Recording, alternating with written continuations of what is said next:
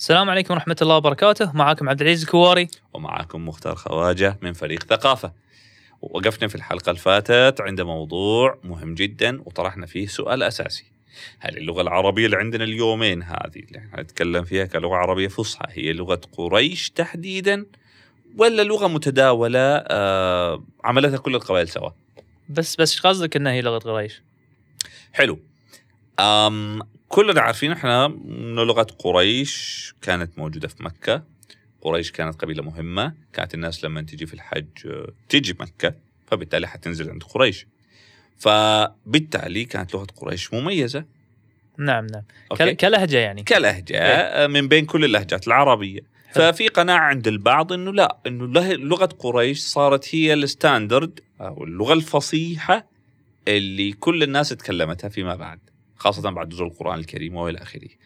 وفي نظرية ثانية تقول لك لا إحنا الموضوع كان إنه والله الموضوع مش بهالطريقه إنه لا العرب طوروا لهجة متداولة سموها المختص سموها بويتيك كوينه يعني الشيء المتداول خاصة في مجال الشعر على أساس كل القبائل تفهم بعض بغض النظر عن الاختلافات في اللهجات. صح لأن بحكم اختلاف المواضع الجغرافية اللي هم فيها كل كل قبيلة نقدر نقول إن لها لهجتها الخاصة هي لغة عربية لكن اللهجة تختلف مثل الوضع الحالي يعني في الوطن العربي بالضبط يعني مثلا أنت تعرف إنه كان في كلمات تنطق عند قبيلة بشكل معين، القبيلة الثانية تنطق بطريقة أخرى.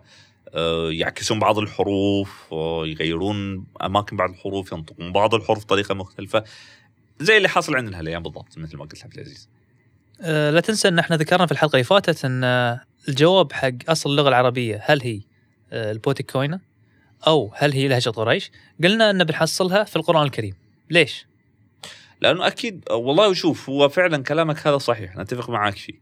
لأنه فكرة إنه القرآن الكريم هو أكمل وأفضل نص باللغة العربية باعتباره اولا يعني كتاب الله تبارك سبحانه وتعالى الخاتم والسماوي والى آخره. هذه نقطة، النقطة الثانية إنه الكل أقر بإعجازه، معناته إنه هو الستاندرد اللي إحنا ممكن نفهم عن طريقه طبيعة اللغة العربية اللي كانت موجودة ذاك الوقت. ففي البداية كان أول مرجع حق العرب للغة العربية كان القرآن الكريم.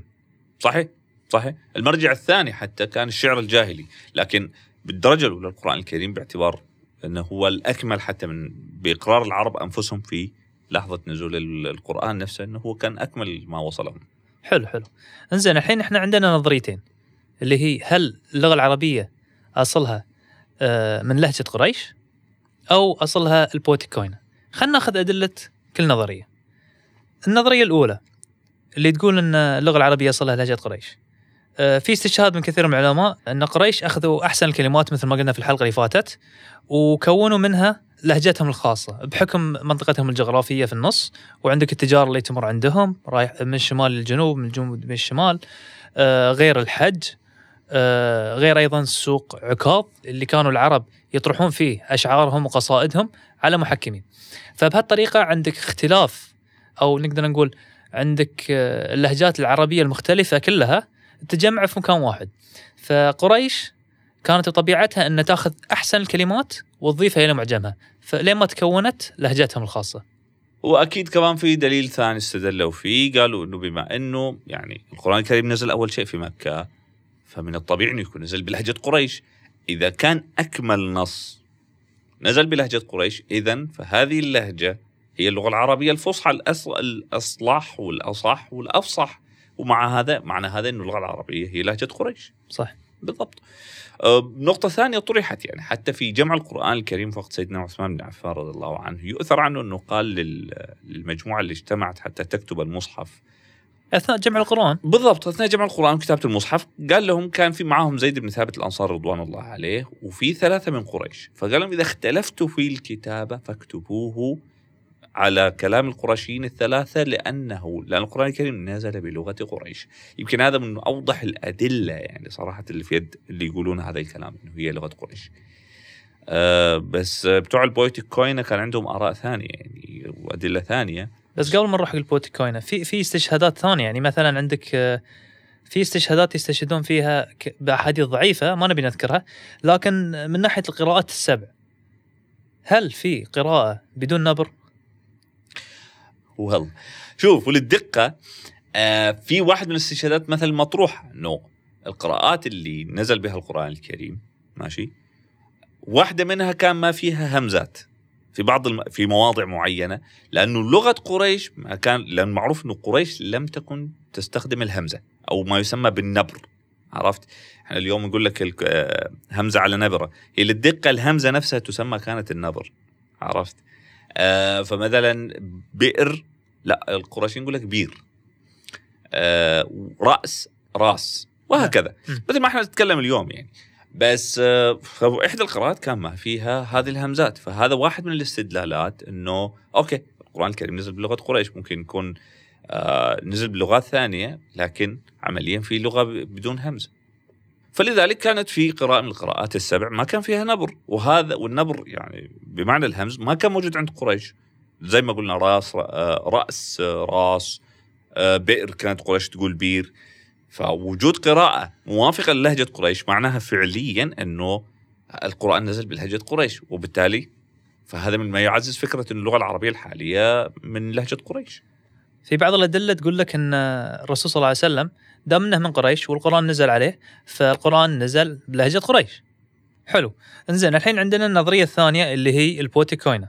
شنو أدلتها؟ آه، موضوع البويتك كوينة من ناحية ثانية في جماعة قالوا لحظة لحظة يعني أنتم سالفة الدليل مال القراءات هذا يرجع عليكم برضو ليش لأنه إذا كان القرآن الكريم نزل وهو أفصح الكتب وأفصح ما قيل باللغة العربية هو القرآن الكريم. إذا إحنا عندنا قراءة توافق لهجة قريش وقراءة أخرى لا توافق لهجة قريش. وهذا معناته باختصار إنه اللغة العربية ما كانت لهجة قريش بس أو اللغة العربية حتى الحالية الفصحى ما كانت لهجة قريش إنما كانت اللهجات الأخرى مقبولة. وتعتبر من اللغة العربية وهذا يعزز فكرة البويتيك كوينة. نقطة ثانية إذا قلنا فعليا أنه آه، لغة آه، لهجة قريش ما كان فيها الهمز استخدام الهمزة بالذات في أواسط الكلمات مثلا. تعال شوف أنت في معظم القراءات فيها همز في أواسط الكلمات. روح للشعر الجاهلي حتلاقي الهمزة موجودة في أول وأوسط وآخر الكلام. فإذا ما كانت واقفة على لهجة قريش. فهذا اللي يعزز فكرة البويتيك كوينة وبعد إحنا سألنا الدكتور عبد السلام حامد دكتور في النحو في جامعة قطر وقلنا نبي ناخذ رأيه في الموضوع يعني أي أي نظرية هو بيرجح يعني. ف ما شاء الله عليه يعني قال لنا أشياء وايد بس من أبرز دلالاته كانت انه ما في رأي واضح وصريح يرجح نظرية عن الثانية. لكن قال القرآن الكريم فيه نبر وقريش ما كانت تنبر. فهو كان رافض تماما فكرة إن لهجة قريش هي أصل اللغة العربية. وقد يكون يعني بما إنه خلينا نطرح الأشياء بهدوء أكثر حتى يعني بعيد عن فكرة فريقين وجروبين وقصص زي كذا. الأمر ببساطة فيما يبدو يعني بعد يعني حتى كلام الدكتور عبد السلام يدل على هذا الأمر أن المسألة هي تفكير عقلي في وقائع تاريخية بين ايدينا والدلائل لا ترجح أي الطرفين وقد يكون أنه ال poetic koine موجودة فعلا والحج باعتباره أكبر المواسم اللي يجتمع فيها العرب فمن المؤكد أنه كان له أثر في تكوين هذه ال poetic koine وكونه أنه لغة قريش ما كانت تفرق عن اللهجات الباقية أو فلنقل عن هال poetic koine حتى لو سلمنا بها. ما كانت تفرق إلا في الهمزة ففرق بسيط. وهذا دال على إنه ال poetic koine تأثرت كثير بلغة قريش وكان عند القرشيين القدرة والفصاحة على فهم اللهجات الباقية وحتى يمكن التكلم بها باعتبارهم تجار ويتنقلون والتجار يروحون ويجون عليهم. فممكن فعلا هذه الكاباسيتي أو القدرة العالية على التعامل اللغوي هي اللي أهلتهم أن يكونوا فعلا أفصح العرب. ولذلك نزل عليهم القرآن الكريم. يعني لو نزل القرآن الكريم على قبيلة ثانية متمسكة بلهجتها أوكي وقاعدة في الصحراء مثلا كان يمكن ما حتقدر تتلقى القراءات كلها بالشكل الذي تلقته قريش مثلا. هو صح يعني عندك آه، بعد سالفة آه، القراءات السبع يعني ليش الله سبحانه وتعالى نزل سبع قراءات على الناس؟ هاي يوضح لك إن فكرة البوتيكوينه هي الأرجح لأن الناس عندهم أكثر من لهجة. فالقراءات السبع نزلت رحمة حق الناس. آه لا فكرة فعلا اللي أنت ذكرته هذا إنه فعلا تسهيل على الناس، يعني الإنسان اللي قاعد في بيئته من عزل ما عمره يمكن شاف قبائل ثانية مختلفة عن لهجته، شلون بيتكلم؟ أو شلون بيقرأ قرآن؟ القرآن إذا كانت القراءة اللي جايته مش متوافقة تماما مع لهجته. تمام؟ آه ولذلك هي مسألة فعلا تنوع القراءات واحد من أدلة ال poetic koine. Okay. ومن أدلة إنه قريش فعلا كانوا عندهم القدرة اللغوية العالية اللي مكنهم فعلا إنه يتلقوه ويبلغوه للناس. يعني آه براعة قريش مثلا إحنا ممكن نستشهد بالحديث عن عمر رضي الله عنه إنه سمع صحابي من قريش آه، هشام بن حكيم بن حزام. إي نعم هشام بن حكيم. أوكي يعني هشام بن حكيم بن حزام. وحكيم بن حزام هو أخو السيدة يعني ابن عم السيدة خديجة. تمام؟ أستغفر الله يعني السيدة خديجة عمته. فيعني من صميم قريش. عمر الخطاب وهو قرشي سمع هشام هذا يقرأ آيات بقراءة مختلفة. فلما استنى عليه لما خلص صلاته سحبوا للنبي صلى الله عليه وسلم سحبا. وسأل النبي صلى الله عليه وسلم قال يا رسول الله يعني هذا يقرأ قراءة غير اللي أنا أقرأها؟ فقال له كيف قرأت يا عمر؟ فراواه شلون يقرأها الآيات؟ وسأل هشام عشان يتأكد منه انه شلون تقرأها؟ فراواه شلون يقرأها؟ قال له هكذا أنزلت وهكذا أنزلت. بمعنى إنه بهالطريقة تقرأ وبهذه الطريقة تقرأ. جائز الاثنين. قال أنا علمتكم الاثنين. وهذا يدلك فعلا على قدرة قريش تمام؟ وفصاحتهم وقدرتهم حتى على التعامل مع اللهجات الأخرى وأنماط الكلام المختلفة عن لهجتهم. حتى لو سلمنا بال poetic koine فممكن يكون قبيلة قريش دور كبير في صياغتها بشكل مؤثر. وفي النهاية فرق الهمزة ترى ما هي فرق كبير عبد العزيز. حطيت أنت الهمزة أو أنا ما حطيتها الفرق ترى مش مش ضخم عشان نقول والله قريش ما لها خص في الموضوع يعني أو نستبعدها عن التأثير في الموضوع. مثل ما قلنا أن الدكتور عبد السلام حامد رجح فكرة ال poetic koine أكثر من فكرة إن قريش لهجتهم هي أصل اللغة العربية. لكن إحنا إحنا لما نشوف الفكرتين هذه واضح إن كل واحد في جهة. نظرية أولى في اليمين والنظريه الثانية في اليسار. تحس إنهم مفرقين. لكن الأدلة دائما تشوفها آه، بين بين بعض. يعني قراب من بعض. تقدر تستعمل حق الطرفين. فنحس دائما إن في نظرية ثالثة ما ذكرناها ولا ما انذكرت. بس الأرجح في النهاية هي آه، نظرية البويتيك كوينة. ولذلك إحنا ممكن حتى نقول إنه في مساحة في النص اللي هي إنه اتليست حتى لو سلمنا بالبويتيك كوينه مثلا حنسلم أيضا إنه قريش كانت مؤثرة بشكل كبير ليش؟ لأنه باختصار قريش اللي عندها الحج قريش هي اللي التاجر قريش هي اللي بحكم احتكاكها في سوق عكاظ اللي قريب من موسم الحج بعد وموسم أدبي وإلى آخره اتجمعت عندها إمكانيات إنها تأثر في هالبويتيك كوينه وتتأثر فيها بحيث إنه حتى لو لاحظنا الفرق بين لغة قريش وبين قوسين البويتيك كوينة إيش كان؟ الهمزة يعني آه، قريش ما تنطق الهمزة، الشعر الجاهلي كله مليء بالهمزات من اوله لاخره، ما حصلنا شاعر تقريبا إلا ويستخدم الهمزة اذا. فما كان فرق كبير ولهذا يمكن القول بأنه فعلا قريش كانت أفصح العرب وقريش كانت الأقرب بين قوسين لل poetic koine والأقدر على إنها تقلد اللهجات وتتكلم بهاللهجات وتحتفظ بلهجتها الخاصة فيها okay؟ ولذلك أيضا نزل عليها القرآن الكريم تمام؟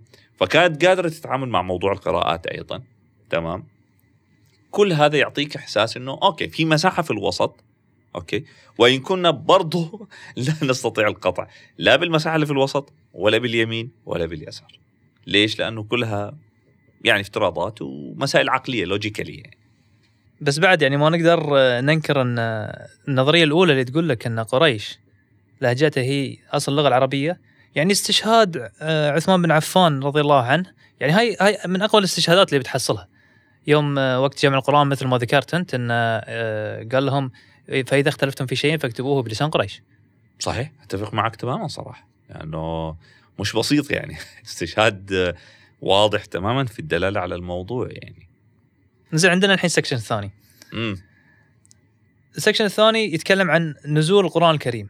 مع نزول القرآن الكريم يا مختار بدأت توضح تطور اللغة العربية. شلون؟ عندك أول شيء تخليد اللغة العربية. في تخليد اللغة العربية كان لازم في كتاب وحي. ليش؟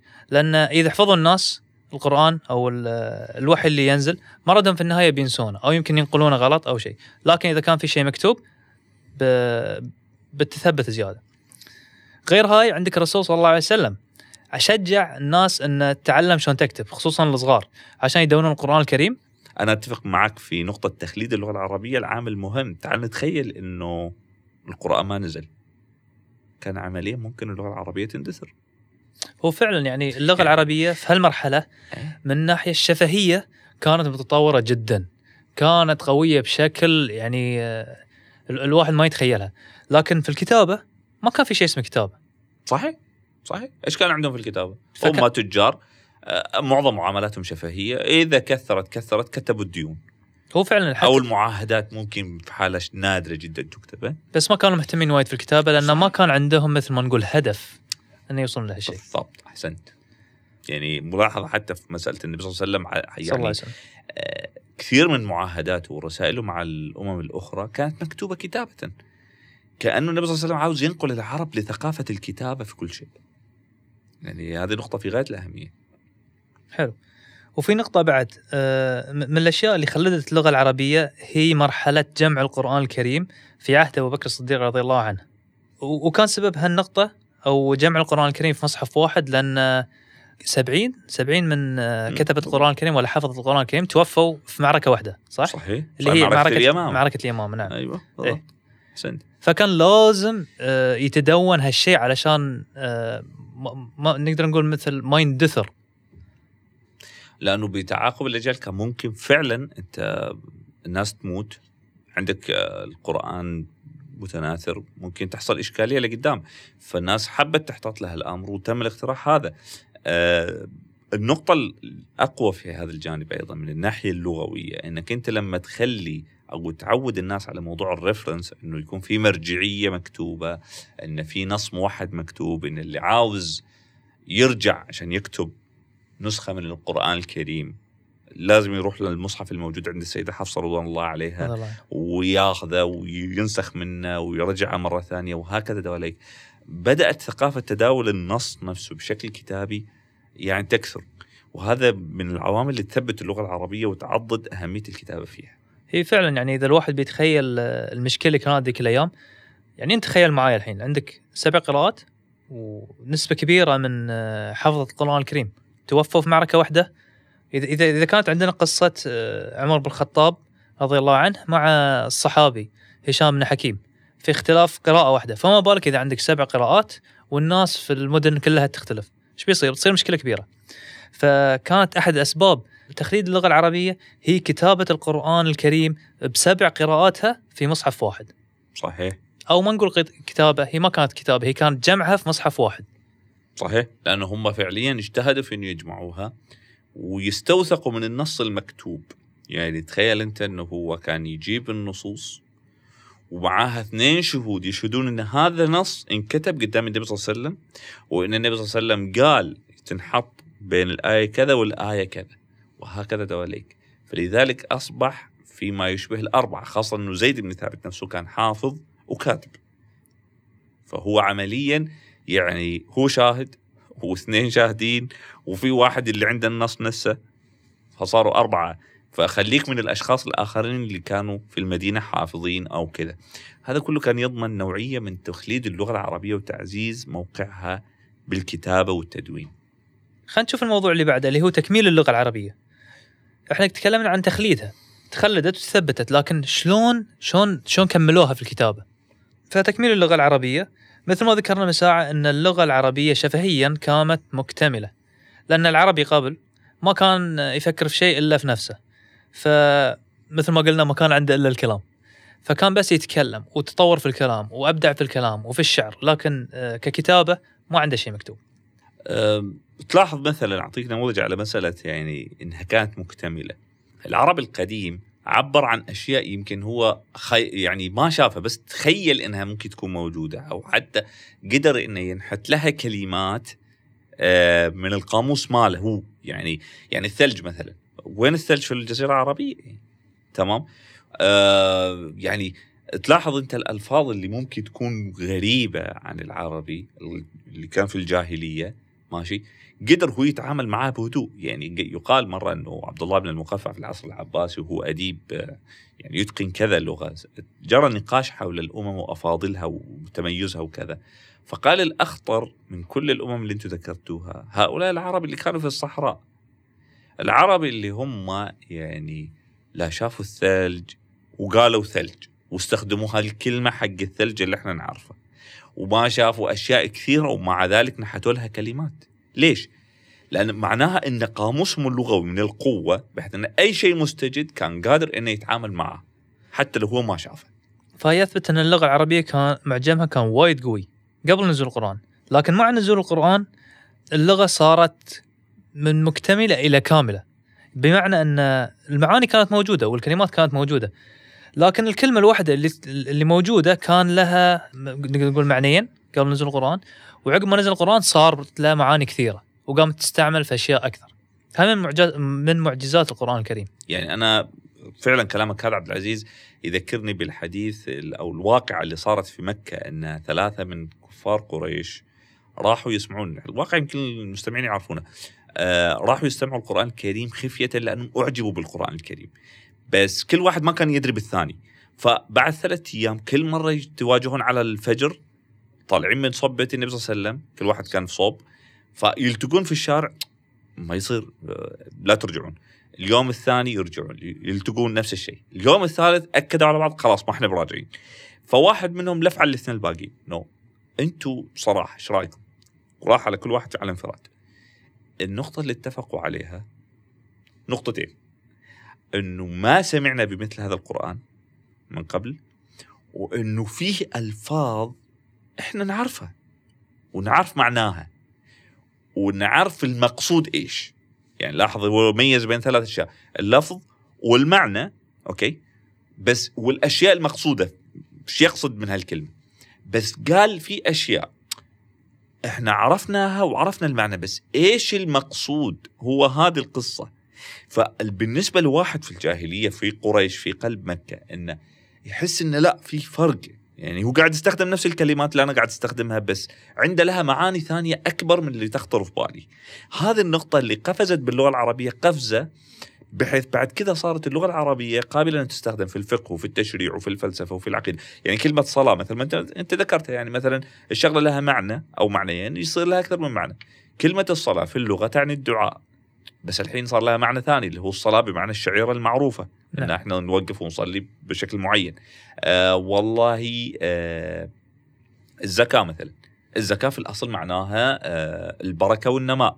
لأن القرآن الكريم استخدمها زكى يزكي الزكاه إيتاء الزكاه يصير لها أكثر من معنى يعني غير البركة والنماء يصير لها معنى الزكاة المعروفة اللي جزء من المال ومعنى ثاني اللي هو تزكية النفس يعني أنت تلاحظ إن هني صار المعنى نفسه ثري رغم إنه لا كلمة هي نفس الكلمة. صح. فهاي شيء يوضح لنا إن ال- القرآن الكريم يوم نزل طور من فكر المجتمع والفرد نفسه. يعني العربي قبل كان بس تفكيره نفسه وتفكيره شلون يدافع مثلا عن نفسه عن قبيلته بالشعر بالقصائد وهاي. فيوم نزل القرآن الكريم كان هدف العربي انه يدرس اللغة العربية ويفهم اللغة العربية مو بحق نفسه بس حق الناس الثانية نقول حق العج... حق الأعاجم اللي دشوا وصاروا مسلمين لأن الهدف صار أسمى صار أكثر من أنه بس يفكر في نفسه ويدافع عن نفسه لا قام يدافع عن الدين وينشر الدين الإسلامي. فهاي الشيء خلى اللغة تصير أقوى وأقوى. ومصداق لكلامك هذا إن العربي صار فعلا تفكيره تجاه الآخرين. آه، سامي جدا وراقي جدا. يعني لما قائد من قادة الفرس في معركة القادسية يكلم واحد من الجيش يقول له أنتوا طب ليش جيتوا يعني؟ أنتوا كنتوا زمان تجونا نعطيكم الأكل وخلاص. قال له إنا جئنا لنخرج العباد من عبادة العباد لعبادة رب العباد. يعني ومن جور الأديان إلى عدل الإسلام. الفكرة نفسها إنه هو مهتم بالآخرين مهتم بانه ينشر بيناتهم العدالة، معناها إنه هو مستعد أن يبذل أكثر فعلا مثل ما أنت قلت، ولذلك حتى تطوير اللغة العربية فيما بعد صار من أهداف الناس ليش؟ لأن حسوا إنه لازم نعلمهم القرآن الكريم، ما دام أسلموا حنعلمهم القرآن الكريم، حنطور اللغة العربية عشان نسهل لهم الموضوع، هذا حنشوفه حتى في المراحل الجاية. آه، اهتمامهم حتى في تدوين العلوم فيما بعد، الإجابة عن الأسئلة، الاستفسارات، التفاعل مع هالشعوب وتعليمهم اللغة العربية.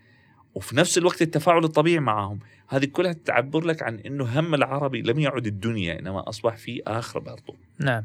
هدف أسمى طبعا. بالضبط أكيد. أكيد. إنزين.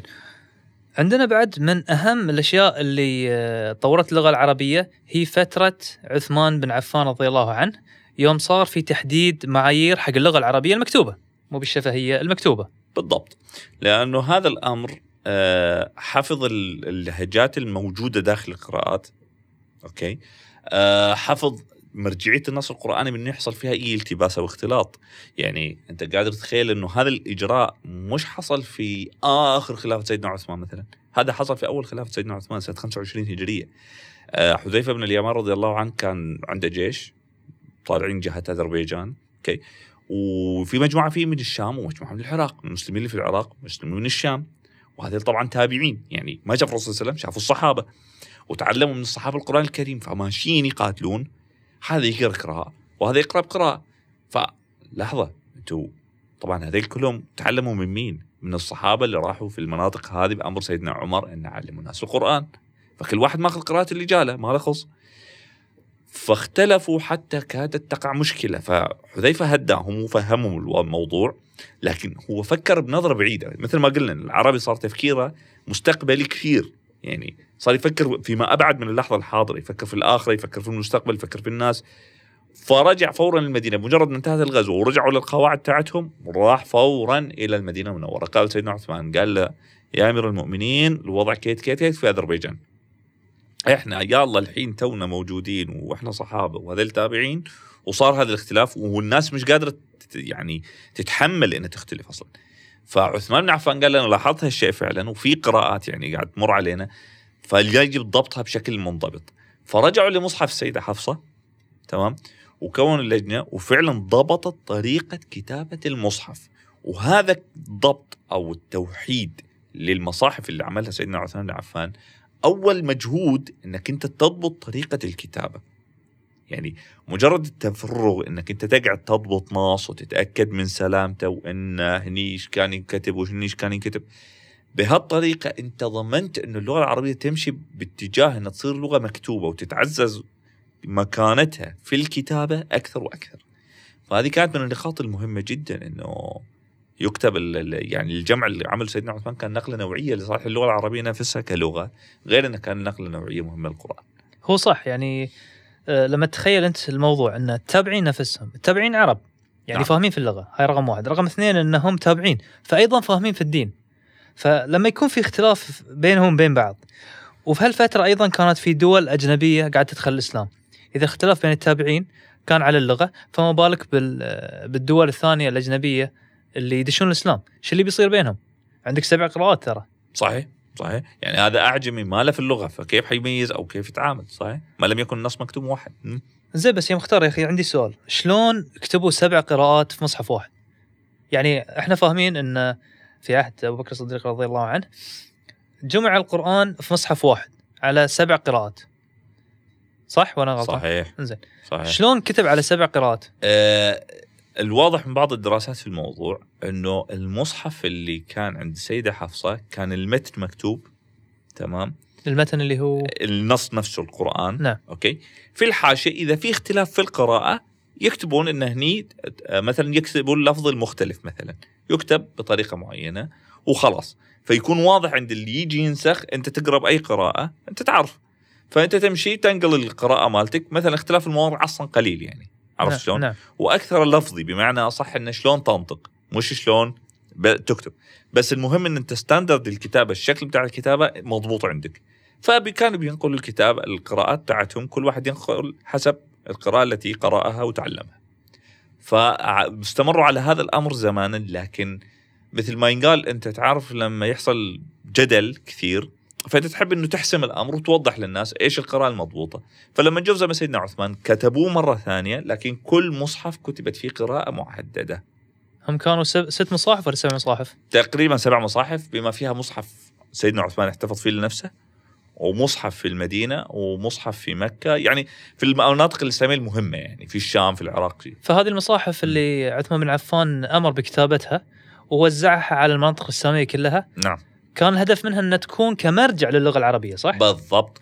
كمرجع للقران الكريم. ومثل ما ينقال يعني أنت في نهاية الأمر وحدت طريقة الكتابة ضمنت أن طريقة الكتابة راح تختلف مرة ثانية وهكذا دواليك ففي تطور اللغة العربية ما كان يكفي بس أن الواحد يعرف آه، ما يكفي أن الواحد بس يكون فنان آه، كلام. في الكلام. لازم لازم يكون شيء مدون لازم يكون آه، شيء مكتوب. صحيح. ولا الناس في النهاية بتنسى هالشيء. فهالمرجع هالست مصاحف أو السبع مصاحف اللي انكتبت هذه كانت مرجع قوي للغة العربية. خلاص هاي ستاندرد الناس يمشون عليه. صحيح. ففي الحلقة إحنا ذكرنا النظريتين اللي تقول هل أصل اللغة العربية لهجة قريش ولا ال poetic koine. وقلنا الأرجح إن poetic koine بسبب الأدلة الموجودة لكن في النهاية هو خط ضعيف في النص. وبعدين ذكرنا إن مع نزول القرآن الكريم بدأت توضح تطور اللغة العربية من ناحية تخليد اللغة ومن ناحية تكميل اللغة وتطوير الفرد والمجتمع وشلون تفكير الفرد صار أوسع؟ ما كان ما قام يفكر بس في نفسه لا قام يفكر في هدف أسمى. وبعدين ذكرنا شلون تحددت معايير اللغة العربية في زمن عثمان بن عفان. يوم تم كتابة السبع مصاحف. ولذلك يعني إحنا لا نستطيع أصلا يعني مهما حصل تكلمنا مهما استفضنا مهما طولنا في موضوع تأثير القرآن الكريم على اللغة العربية وتطورها فما راح نوقف. أعتقد آه، شيء آه، حيستغرق مدة طويلة فعلا إحنا نستعرضه لأن يعني بس تخيل أنت النقلة النوعية بتاعت الإنسان العربي بس كيف صار ممتد وكيف صار آه، طموحه طريقة تفكيره مختلفة هذه بالوحدة تكفيك لأي درجة أصبحت اللغة نفسها متطورة. فعلا ما شاء الله المعلومات اللي موجودة وايد وايد وايد كثيرة. إحنا بس حبينا نمر على رؤوس أقلام الموضوع علشان نحاول نذكر الأشياء آه، المستقبلية لأن بنطول وايد إذا دشينا في الموضوع صحيح. زيادة. الآن إحنا عرفنا تطور اللغة العربية مع نزول القرآن الكريم بس النقلة النوعية الجاية هي اللي حتخلينا اليوم نقول فاعل مرفوع ومضارع منصوب وجار ومجرور على يد النحويين واحدا واحدا عرفنا الحين كيف الفرد تطور في اللغة العربية عشان تاخذوها في التفاصيل تابعونا في الحلقة الجاية. ولحد ذلك الوقت تحيات فريق ثقافة لكم ويا ريت like subscribe share comment السلام عليكم ورحمة الله وبركاته.